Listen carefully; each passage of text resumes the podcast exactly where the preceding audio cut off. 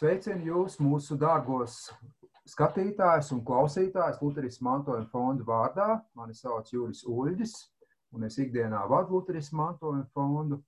Un šodien mēs runāsim par šo grāmatiņu. Gerharda Fordas grāmatiņu, kā kļūt par krusta teologu. Un šodien, kā jau parasti, ciemos ar mums ir Digis Stilove. Sveicināts! Sveicināts, Juris, sveicināts, Valdemār! Saki, lūdzu, Digis, par ko tu šodien runāsi? Nu, šodien, es domāju, ik viens kristīgs cilvēks dzirdējis no garīdzniekiem, bieži sakām, tev ir jādara labie darbi. Un tad mēs, kā kristieši, arī paklausām tam, darām labos darbus. Un, bet ko darīt, ja gadījumā pēkšņi izrādās, ka visi labie darbi nāk Lutheris un saka, ka visi tie labie darbi var būt arī uh, nāves grēki? Nu, ko tad darīt? Par to mēs šodien mēģināsim runāt. Jā, paldies! Sveicināts Valdemārs! Sveiks, Juris, sveiks, Digis, sveiki skatītāji un klausītāji. Saki, lūdzu, par ko tu varētu runāt šodien? Nu, es gribu īsi ieskicēt uh, Heidelbergas diskusiju uh, vēsturiskās lietas, bet tā tiešām īsti tikai tādā vispārējā izpratnē, un tad pievērsties gribas nebrīvei, kas ir viens no kristietības vis, vis, vis, manuprāt, grūtākiem jautājumiem. Tāpēc es viņu pilnīgi noteikti neatbildēšu, bet vismaz ieskicēšu. Jā, paldies. Es jau jūtu, ka būs ļoti tāds, nu, ļoti blīva saruna, jo, jo šī grāmata kaut arī maziņa, bet viņā ir ļoti daudz tēmas. Es savukārt runāšu šodien par, par grāmatas tādu vairāk tādu noslēgumu daļu, un proti, nu, man izmantošu tādu salīdzinājumu. Vispirms es mēģināšu, uz, kā autors uzstāt to, kāda ir mūsu diagnoze, proti, ja tu esi uzpūties par saviem labajiem darbiem, tad tu esi nopietni slims. Nu, tā ir diagnoze. Un, un tad ir nāk labais ārsts, kurš mūs ārstē ar diezgan rūktām zālēm, ar ciešanām, lai mēs tiktu vaļā no šīs slimības. Un tad parādīsies viens tāds brīnišķīgs atvesļošanās auglis. Kas tas ir par augli? Par to mēs runāsim. To, par to es šodien runāšu. Labi, tad varbūt es dodu vārdu tagad Digim, lai viņš nedaudz pastāst par pašu autoru Gerhardu Fordu. Jā, paldies, Juri, par ievadu. Un man šis temats ir ārkārtīgi interesants par Heidelbergas tēzēm un arī par Gerhardu Fordu. Es esmu Latvijā divreiz lasījis priekšlasījumus tieši par šo darbu un par šo grāmatu, un Anglijā vienreiz vadījis arī sarunas un priekšlasījumus tieši par šo. Tādēļ man šī tēma tiešām ļoti interesanti ir. Un, un arī tādēļ pētīt dziļāk, kā saka, ir prieks par šo uh, tematu. Gerhards Forde ir salīdzinoši labi pazīstams amerikāņu uh, luterāņu mācītājs un teologs. Uh, viņš gan bija, un viņš ir jau aizsaukts mūžībā, viņš bija Amerikas Evanģēlas Lutriskās baznīcas sastāvā, tā sakot, un, ja varētu ātrumā raksturot viņa tādas, nu, trīs vaļus, uz kuru uh, uz kuriem stāv viņa teoloģija, tie būtu pirmkārt likuma un evaņģēlija atšķiršana, tad būtu krusta teoloģija, otrais un trešais būtu tieši pasludinājuma nozīmība kristīgajā teoloģijā. Un šajā aspektā mazliet tikai komentēšu.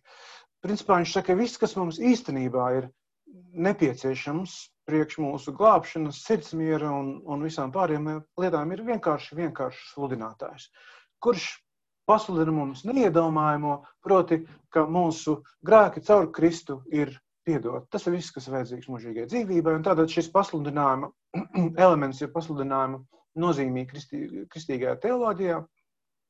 Un varbūt pavisam īsi arī nu, no kāda fona, tā sakot, viņš, viņ, viņš nāk. Nu, savulaik viņa baznīca, kurai viņš piederēja, bija uzņēmusi tādu trajektoriju uz, uz tādu nepamatotu, jeb seklu ekumēnismu ar Romas katoļu baznīcu un, un reformācijas baznīcām. Un arī savā laikā ļoti spēcīgi sevi pieteica sociālā taisnīguma kustība ar kreisi politisku un ekonomiski noskaņotām nosliecēm. Un Gerhards Fords to redzēja un principā viņa šis uh, projekts, kas saucās radikālais luter, luterisms, uh, bija kā atbildi uz šiem uh, procesiem. Un, principā, viņš uz, uzsvēra, ka grēcinieki tiek taisnot ar piedošanas vārdu, nevis birokrātisku, ekumēnisku vai legālistisku sociālo plānu. Nu, re, un uh, gribēju tikai teikt, ka uz šo brīdi ir mazliet tāds kā, kā spriedzes starp Misūri sinodi un Amerikas Evanģēlas Lusko baznīcu saistībā ar, ar, ar, ar, ar Fordi, bet daudz ko no šīs spriedzes var norakstīt uz tieši to, ka tās attiecības vienmēr ir bijušas ārkārtīgi smagas starp Amerikas Evanģēlas Lusko baznīcu un Misūri sinodi. Un daudzi saka, ka īstenībā vajadzētu viņi iesākto šo radikālu luterismu pārdēvēt par vienkāršu un visiem saprotamu lietu kā konfesionālo luterismu, ko mēs saprotam. Un, uh, tas ir īsumā par Gerhardu Fordi. Vēl viņam ir ļoti labs rakstīšanas stils, ko daudz ir atzīmējuši, lakonisks, bet ārkārtīgi dziļš, ko es domāju, mēs šodien arī redzēsim. Jā, nav šaubu par, par, par to dziļumu, ka viņš ir tik dziļš, ka es brīžiem netiku no tā dziļuma ārā. Un, un tā. bet, bet Valdemār, eh, kā jau mēs to redzējām, šī, varbūt visi to neredzēja, bet tas apakšviesraksts šai grāmatiņai ir kāds pārdoms par Mārtiņu Lutheru Heidelbergas disputa tēzēm. Lūdzu, pasak dažus vārdus, kas tas, kas tas par Heidelbergas disputu? Paldies! Pirmkārt, eh, Digi, es domāju, ka viena ļoti laba lieta, kas mūs tagad tieši šeit būtu ļoti svarīgi atzīmēt, ir, ka tas, kas šobrīd notiek uh, Amerikā uh, ar to sociālo taisnīgumu kustību, tā saukto, uh, tas ir uh, tieši tā lieta, kas pirms daudziem, daudziem, man liekas, vismaz 30 gadiem uh, bija savā aizsākuma stadijā, un pret to jau tad Gerhards Fords uzstājās. Tāpēc arī teiksim, šodien mēs baudām Eh, ziediņus vai jau augļus no tā, ko viņš pamanīja aizsākumā, saknē, eh, tos gadus atpakaļ. Bet par, par, par, par tām. Eh, tās tēzes ir ārkārtīgi interesantas un nozīmīgas, jo tās ir tapušas un tām sekojošā diskusija notikusi 1518. gadā, tad vairāk kā 500 gadiem atpakaļ, jo 95 slavenās diskusijas tēzes, kas aizsāka 31. oktobrī. Tad oktobrī mums ir oktobris vai ne? Reformācijas mēnesis, eh, kas aizsāka visu reformācijas kustību.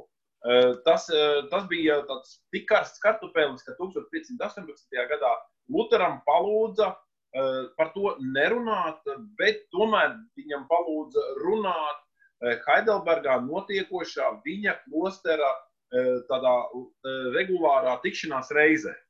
Un eh, tā kā viņam palūdza par vienu runāt, viņam pašam lūdzu runāt, bet par konkrētu tēmu nerunāt, tad viņš izrunā, izvēlējās runāt par lietām, kuras īstenībā ir daudz, daudz dziļākas par slavenajām 95 tēzēm. Proti, gribas brīvība, un mēs runāsim bišķi vēlāk, bauslību un evaņģēlijas krusta teoloģiju. Un tieši tās ir tās eh, tēzes, kuras eh, mēs šodien apskatām un par kurām ir Fords grāmata. Forda ir ļoti labi izdarījis, ka viņš ir ielicis vēsturisko ievadu, pavisam īsu vēsturisko ievadu šī grāmatā. Tāpēc es varbūt īpaši pat nepakavēšos ilgi pie tā, bet tikai vēl viena maziņa lietiņa. Uh, Heidelbergas dispus, uh, dispu, uh, disputācijas, ja diskusija, kā no kuru reiziņas sauc, ievadīja daudz dziļāku teoloģisku skatu uz Lutera sacīto.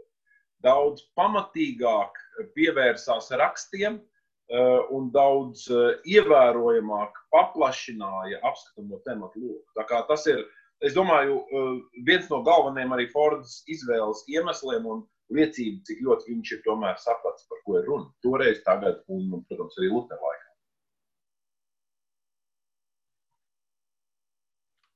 Paldies, liels. Un, un faktiski tagad es dodu vārdu Digim, kurš runās par pirmo daļu, par labajiem darbiem.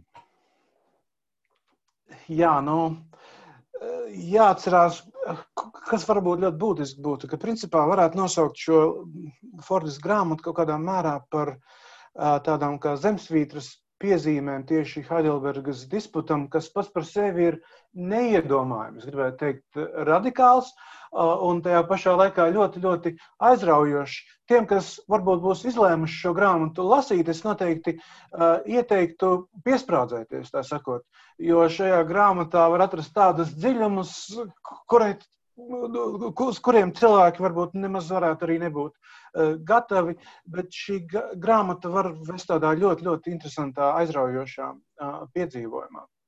Un man šodien ir jārunā par jau pirmais, pirmā tēze, pirmā daļa grāmatas, vai ne? Kā viņi saucās, jo tas jau ir tik ārkārtīgi interesanti. Pirmā daļa saucās Labo darbu problēma. Ko? Labie darbi un problēma. Nu, kā tad mēs to varam dabūt kopā? Kas ir pa problēmu ar labajiem darbiem? Vai tad uz tā visa pasaule nestāv, tā sakot, vai ne? Bet tad viņš paskaidro, Luters paskaidro, un pēc tam uh, Forda komentē, Dieva bauslība, visderīgākā dzīves mācība, nespēja cilvēku virzīt pretī taisnībai, bet drīzāk tam ir par šķērsli. Un šeit nu ir tā atombumba, jā. Bauslība visderīgākā dzīves mācība. Lūdzu, atcerēsimies to, ka tā ir visderīgākā dzīves mācība, kuru mēs varam, varam atrast šajā pasaulē. Visderīgākā. Punkts. Ja? Bet tas, ko viņa nespēja darīt, virzīt cilvēku pretī dieva taisnībai. Viņa vienkārši to nespēja izdarīt. Un tas būtu jāsaprot un ieklausieties, cik radikāli tas uh, skan. Un reizē arī mēs atradīsim, ka tas skan ārkārtīgi nomierinoši. Jo kurš beig beigās un gal galā ir piepildījis bauslību?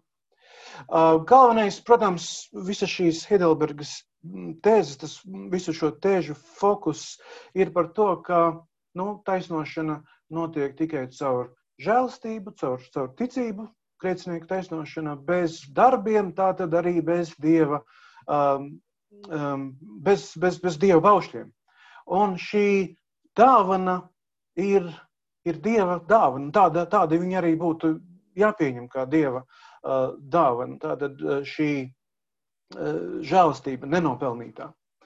Un uh, tālāk tikai es varbūt uh, nedaudz komentēšu arī, ka, piemēram, 30. lapas pusē Forde uh, pamato, ka, ka, ka, nu, kā viņš tā var teikt, ka bauslība nedod dieva taisnību, ja nepalīdz cilvēkiem nemaz. Un tad viņam tur vesela liste ir ar Pāvila citātiem, ar, ar baznīcas tēva Augustīna citātiem, un ka tu izlasi nerodas nemazākie, nemazākie jautājumi vai šaubas par to. Tiešām bauslība nevienam nepalīdz.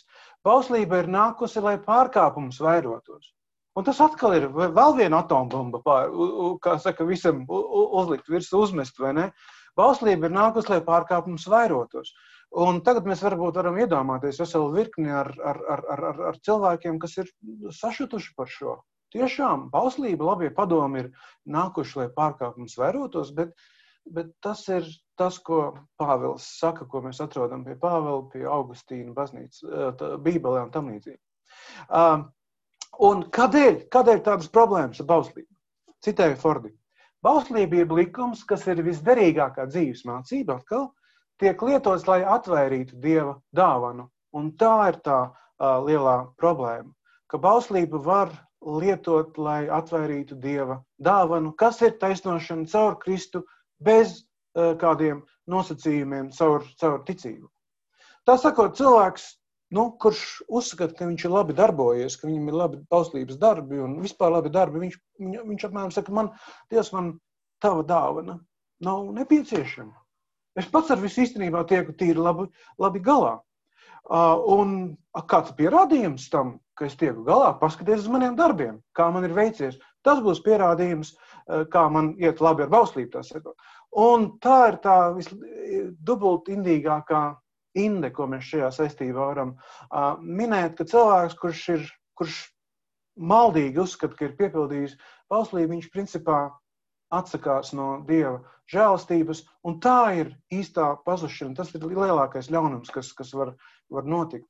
Grēks tādā ziņā, ko cilvēks var izdarīt, vai ir izdarījis, vai izdarījis, nav tik liela problēma kā tieši šīs dāvanas atvērīšana. Un uh, Forda arī salīdzina krustuma un godības teoloģiju. Man nav daudz laika, lai iedziļinātos šajā. Uh, bet viņš saka, piemēram, ka krusta teologs jau no paša sākuma skaidri pamana, ka bauslība vēl jau lielākā mērā grēku pavairo tieši ar mūsu likumību. Un tie atkal ir eksplozīvi vārdi. Ar likumību bauslība lielā mērā vēl vairāk grēku pavairo. Un viņš paskaidro, proti, kad mēs bauslību lietojam nepareizi un gūstam tanī sekmes, tā mums kļūst par vairogu, ar ko atvērīt uh, dieva uh, dāvanu. Tā ir pati grēka būtība, atteikties no dāvanas un tajā, tādējādi sevi pašu novietot dieva vietā. Es domāju, klausītājs un skatītājs jau būs varbūt sajūtis to garšu, kas šajā grāmatā parādās, uzsvars uz, uz, uz dievu rīcību, nevis uz mūsu, bet es tādu ļaušu maniem kolēģiem uh, turpināt. Tas ir, es domāju, paldies tev.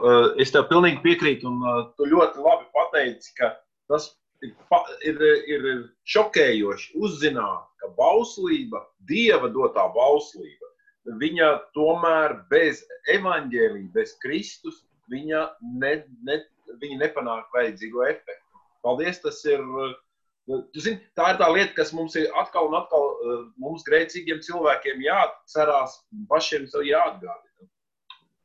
Jā, paldies. Nu, un, jā. Un, un, un man jāsaka tā, ka tūlīt, kad es ķeršos vēl pie, eh, pie, pie gribas problēmas, tad es neko daudz labāk es nevarēšu pateikt. Nu, tad Valdemār ķeries pie gribas problēmas.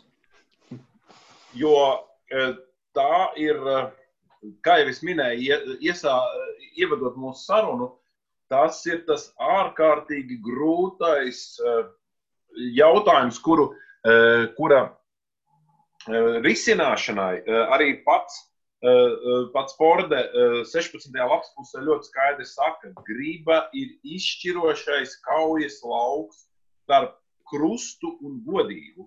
Proti, ir, tas ir tieši tas jautājums, kurā kristīgs cilvēks uh, iemācās saprast atšķirību starp savu grēku un starp, um, starp Dieva žēlastību, starp Dieva prasību un Dieva žēlastību, abiem diviem kopā. Un, uh, un tieši tāpēc, uh, tad, kad uh, Luters nonāca sarunā ar sava laika vienu vis, visgudrāko cilvēku, proti, Rotterdams Erasmu, viņš nerisināja nevienu citu jautājumu, kā tieši gribas jautājumu. Jautājumu par to, cik daudz griba par Eh, un tai vajag piedalīties cilvēka sarunā ar Dievu, cilvēka attiecību veidošanā ar Dievu. Un, man liekas, eh, Forda šeit ir ļoti labi to risinājis, ļoti labi to skaidrojis. Kaut arī, protams, kā jūs sākumā ļoti pareizi teicat, eh, tā grāmata nav liela. Viņa vairāk, es pat teiktu, viņa ir konspekts. Viņa ir konspekts lasīšanai, pārdomāšanai, dialogam pašam, katram pašam ar sevi ar autoru un ar Lutheru, Heidelbergas eh, disputa, eh, disputa galveno, tā sakot, iniciatoru un šīs teoloģiskās sarunas, manuprāt, tomēr diezgan eh, aizsācēja vispār kristīgajā vēsturē.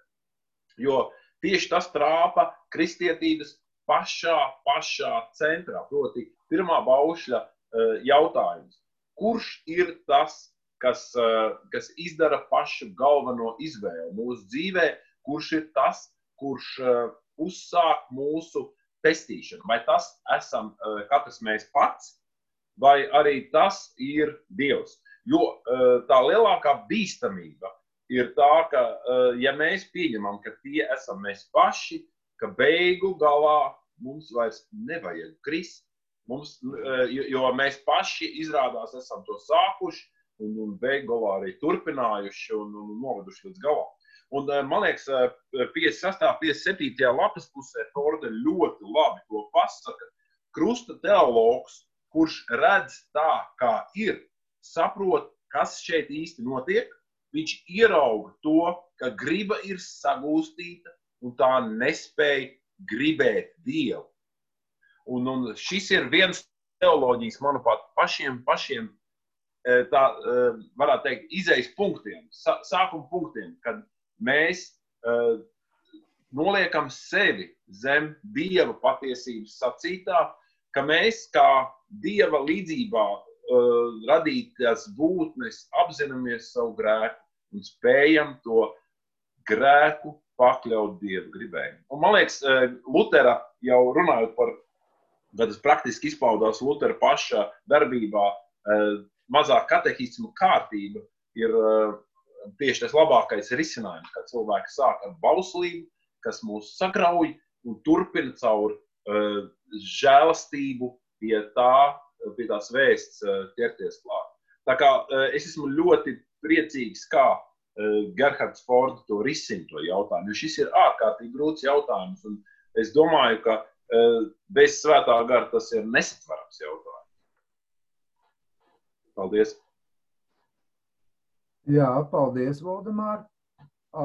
Es domāju, ka es arī labprāt ķertos klāt savai daļai, bet pirms es to daru, man kā likās svarīgi vēl atgriezties pie paša grāmatas vāka un pie paša nosaukuma, proti, kā kļūt par krusta teologu. Un, un, un tā kā mēs tulkojām šo grāmatu, tas radīja bišķiņ tādu problēmu, kā īsti iztulkot latviešu valodā. Uh, un kas tad ar to īsti ir domāts krusta teologs? Un, un tas vien, viens pārpratums, ko noteikti es gribētu novērst, ir šāds.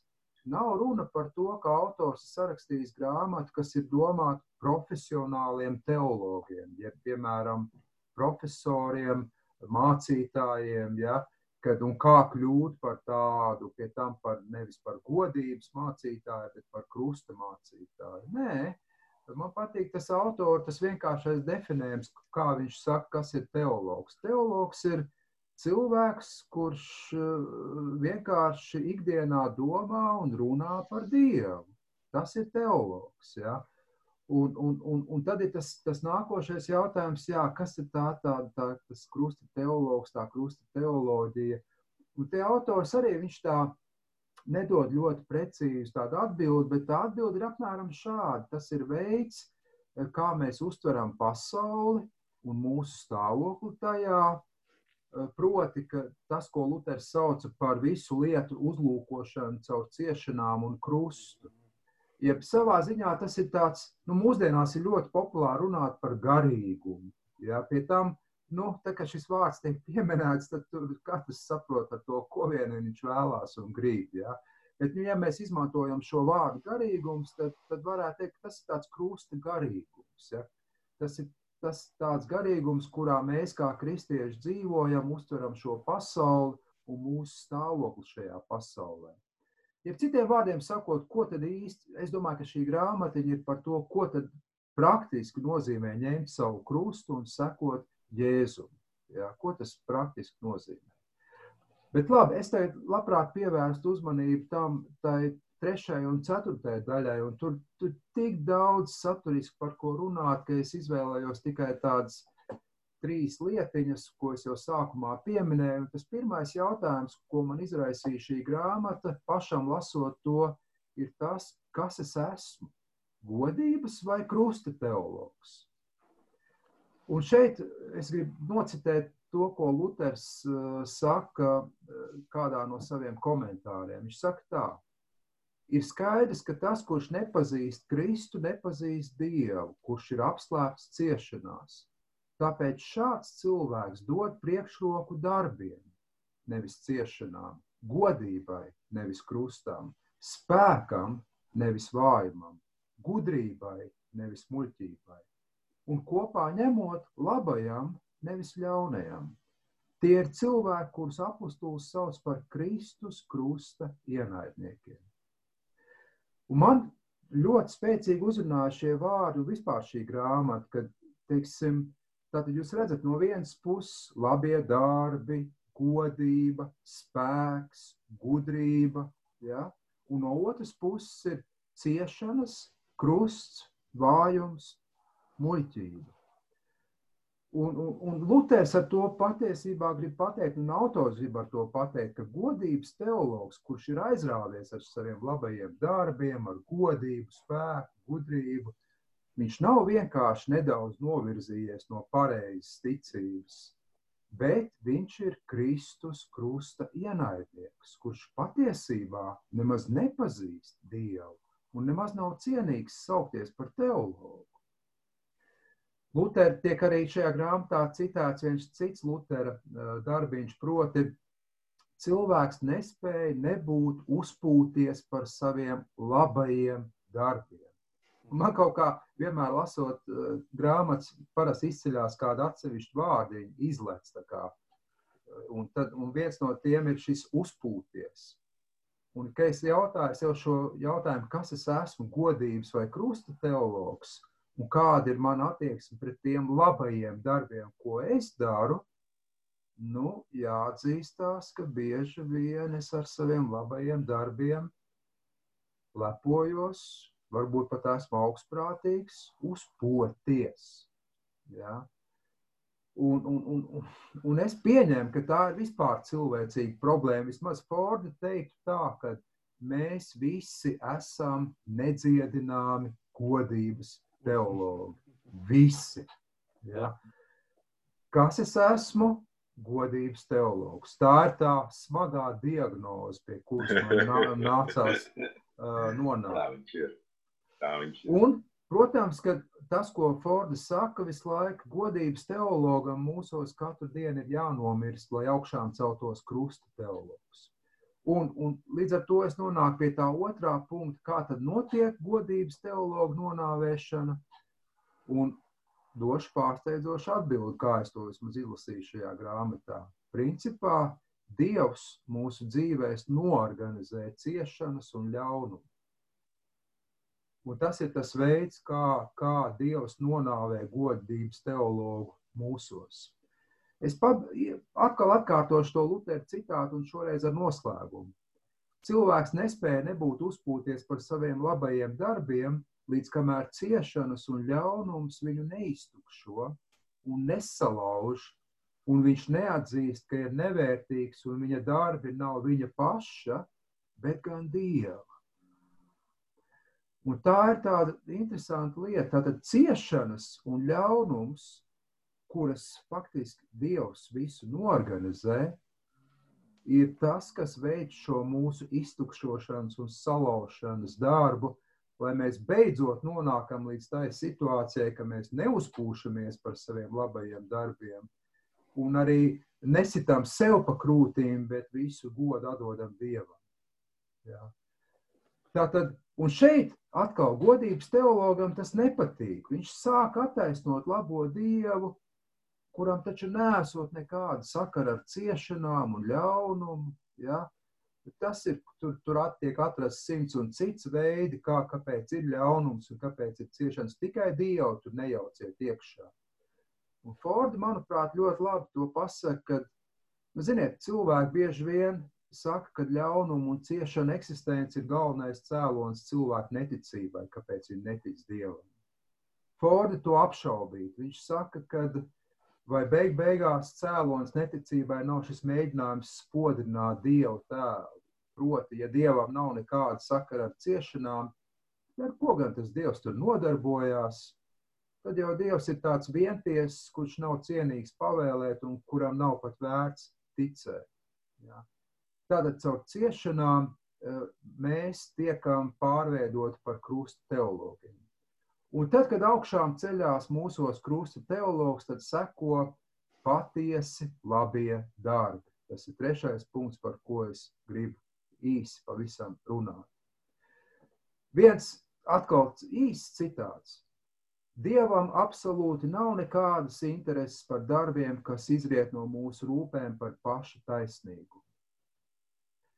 Vai arī, kad vecais Ādams ir nonāvēts un jaunais ceļas augšām, tad varam sākt darīt labus darbus, darbus, kas darīti mūsu tuvākam par labu, bez kāda aprēķina un pretenzijām.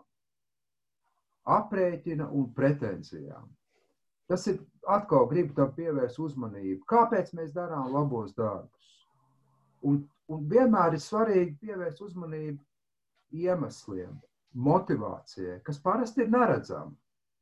Pasaulē novērtē tikai mūsu ārējos labos darbus un attiecīgi aplaudē, bet uh, pārsvarā jau visi mūsu tie saucamie labie darbi, par kuriem mūsu pasaules slavē, tur ir vai no aprēķins, proti, kāds man būs no tā labums. Līdz ar to tas vairs jau nav nekāds labais darbs. Un tur ir arī ļoti augstas pretenzijas. Piemēram, kļūšu taisnīgs cilvēku un par dievu priekšā, un tie, tiem ir lieli nopelni. Tātad ļoti augstas pretenzijas par labajiem darbiem. Un tad, kad godības teologs tevī ir nonāvēts, Tad krusta teologs vairs neuzstāda šādus jautājumus, kas man par to būs un tam, tam līdzīgi. Viņš vienkārši savā priekšā redz tikai tuvākā vajadzības un tās piepildu. Nekāda aprēķina, nekādu pretenziju. Un beigu beigās krusta teologs apzinās, ka, ka darītājs jau nav viņš, bet gan Kristus caur viņu un viņā. Ja? Nu, tas ir tas, kā es gribēju savilkt kopā tās pēdējās daļas. Varbūt kādam no jums tagad ir kāda vēl noslēguma piebilde par šo grāmatiņu. Jā, jauki, Jurit, ka tu šo visu tā summēji brīnišķīgi. Es domāju, šī saruna nebūtu galīgi tik pilnvērtīga, jo mēs jau abi ar uh, Valdemāru iesākām to problēmu, vai ne, bet tu viņai devi tā kā risinājumu, kas loģiski arī uh, grāmatas uh, noslēgumā, bet es domāju, uh, Un, un attiecībā uz manu dzīvi, kā Jurija, tu arī tagad publiski to pateici, vai ne? Es, es, es viennozīmīgi arī varu pateikt, ka kaut kādā dzīves posmā godība pa visām šuvēm gāja ārā, tā sakot, dodiet man vairāk godības, es esmu pēc viņas, vai ne?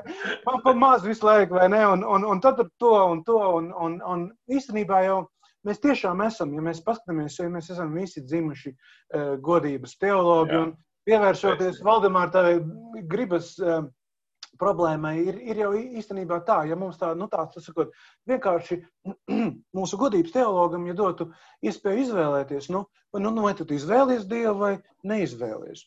Godības teologs padomāt, hmm, šito Dievu. Es pastos apkārt pasaulē, ļaunums notiek, Dievs neko nav izdarījis. Yeah. Un, tad, un tad vēl šis Dievs paņem savu dēlu, uh, sit krustā, pilnīgais, jāsaka, kurš. Svies, kur tu šitādu dievu vari izvēlēties? jā, jā, jā. Kur muļķības nevajag man jā, tādu, vai ne? Jā.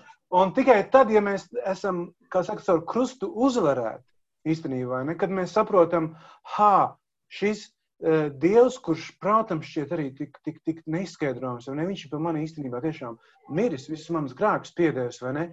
Tas spēja mainīt sirdis, tas spēja pārvērst uh, godības teologu uh, krusta uh, teologā, vai ne? Un es domāju, Vēl rezumējot, man šķiet, kas būtu ļoti svarīgi atcerēties, ka krusta teoloģija nav tādā ziņā nu, viens kaut kāds tāds, teiksim, negatīva pieredze tikai un vienīgi. Kā Forda arī to ļoti pareizi saka, krusta teoloģija, krusta teoloģijas turpinājums vienmēr ir pozitīvā augšām celšanās. Mm. To, ir ļoti, to ir ļoti svarīgi atcerēties, ka mēs, neesam, mēs nerunājam tiksim, tā, tikai tādās negācijās, vai ne viss ir tik slikti, tik slikti mēs ciešam, vai ne, un tam līdzīgi. Nē, nē, nē.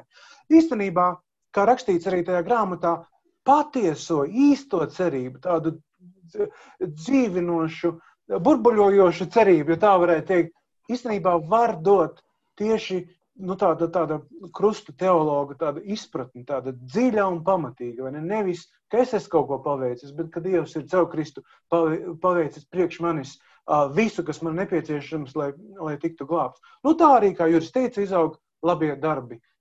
Turpmāk, man, man ļoti patīk tas raksturojums, pavisam īsi, ka raksturojot Fordas sapratni par labajiem darbiem, viens teologs rakstīja, ka viņa izpratnē labie darbi notiek gandrīz spontāni. Uh, tas bija ārkārtīgi interesanti. Ne? Uh, nevis pilnīgi spontāni, bet nu, gandrīz spontāni. Ne? Un, man šeit tas tā ļoti dziļi.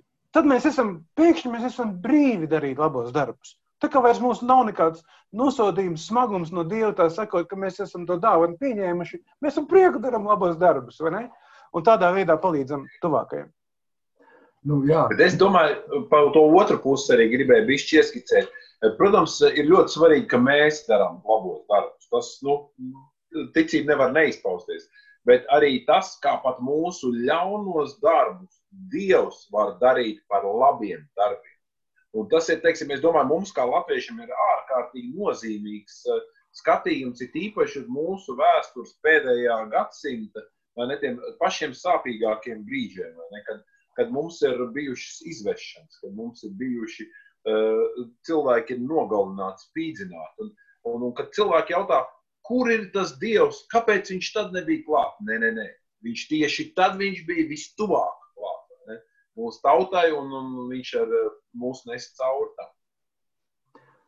Jā, jebkurā gadījumā es domāju, ka šī grāmata ir ļoti piesātināta. Un es -hmm. personīgi, nu, nezinu, teikšu godīgi, kāds reizes desmit esmu varbūt izlasījis, un, un atsevišķi rinkops vēl vairākas reizes, un, un, un joprojām īsti nesaprotu, ko autors grib pateikt. Ja? Tā kā, tas varbūt tā ir mana kaut kāda uztveres problēma, un es domāju, ka es, starp citu, jā, kā jums bija? Es domāju, ka viņa, viņa ir patī, patiesi dziļa un tādēļ viņa ir ļoti saistoša un interesanta, bet Jūra nenobiedēja visus. Nav tā, ka nevar saprast līdz galam. es, grib, es, tikai gribu, es tikai gribu būt godīgs, lai nav tā, ka kāds iedomājās, ka viņš atvērs to grāmatu un tur būs kaut kāda lubene, ja, kur fiks izlasīt no A līdz Z, vai ne? Jo mēs jau ņemsim vērā to, ka godības teologs, viņš jau vienmēr visu grib īzīt. Visu grib izdarīt, visu izdarīt, lai tikai vienkāršāk un saprotamāk. Un es gribu godīgi teikt, šī nav tāda grāmata. Ja jūs gribat izdarīt, tad ieslēdziet televizoru un skatieties mūtē. Tā, labi. Bet te pašā laikā tas ir īsi. Jā. Tas ir īsi ar Kristu. Jā, jā. jā viņa, jā, viņa padara, īstenībā viņa padara šī grāmata kaut kādā mērā izskaidro un padara dzīvi vienkāršāk, nenopietni. Jā, un, un skaistāk, skaistāk arī. Caur nenormāliem dziļumiem, tā sakot, viņa beigā, beigās parāda uh, sauli, prieku, cerību un vispārējo. Tā es rakstu. Jā. jā, jā, protams, tas skatījums, ko viņš dod, tas ir tāds ļoti dziļš un tajā pašā laikā tāds, nu, atspirdzinošs un atvēsinošs. Tāds pilnīgi savādāks skatījums nekā tu esi pieredzējis ikdienā redzēt, ko tev mm. piedāvā, ko tev piedāvā masu mēdīju un tam līdzīgi. Ļoti labi, ļoti labi. Piekrīt. Piekrīt, piekrīt. Nē, nē, paldies, bija ļoti vērtīgi. Man personīgi vērtīgi. Jā, nu, katrā ziņā es domāju, ka mēs visi trīs tad iesakām noteikti lasīt šo grāmatu arī mūsu klausītājiem un klausītājiem un, un, un skatītājiem.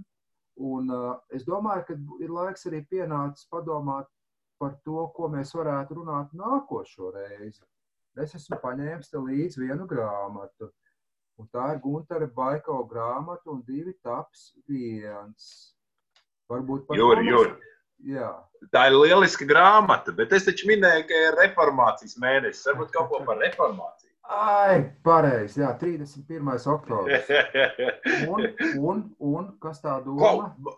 Man liktos, ka būtu baigi interesanti paņemt augstbūdas ticības apliecības apoloģiju tā, man liekas, ir tāda bišķi piemirst mums, bet, man liekas, nav mazāk nozīmīga, interesanta un visādā veidā ieteicama. Tas ir kaut kas no 16. gadsimta, jā? Tas ir kaut kas vēl no tiem laikiem. Tā kā vēl zāle bija zaļāka, vai ne? Jā, jā, jā. jā. Teologi runāja lat latīņu valodā un rakstīja latīņu. Jā, jā, jā. jā. Redz, es, es piedāvāju pašķirsīt šo grāmatu vai kādu citu luteriskos ticības apliecības kopumu, vienprātības grāmatu, kur ir iekšā Augsburgas ticības apliecības apoloģija. Un, jo Latvijas atsevišķi viņa nav iznākusi. Tikai vai no šī, vai no vēl vienā izdevumā, vai arī tad, nu, tad citās valodās. Krieviski, angliski, vāciski un latīniski. Nu, katram pēc spējām, katram pēc interesēm. Nu, ļoti labi. Tad mēs mēģināsim ar Dīdzi atkal atsvaidzināt atmiņu un pārlasīt no jauna šo darbu, vai ne?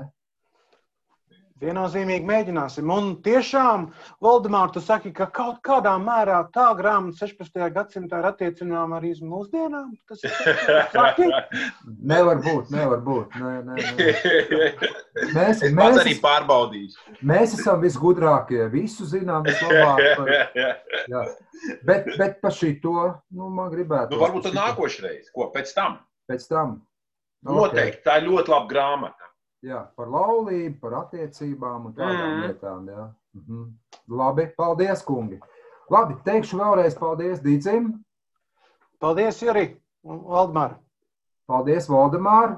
Paldies, Juri, paldies, Dīdz. Paldies visiem, kas klausās. Un es gribu atgādināt atkal mūsu skatītājiem un klausītājiem, ka visus šos video materiālus un audio materiālus jūs varat noklausīties dažādos sociālajos tīklos, gan YouTube, gan uh, Facebook, gan Spotify, gan nu, visur. Arī mūsu fonda mājaslapā. Tā kā droši sekojiet līdzi mūsu jaunumiem. Dievu palīdzību! Visu labu!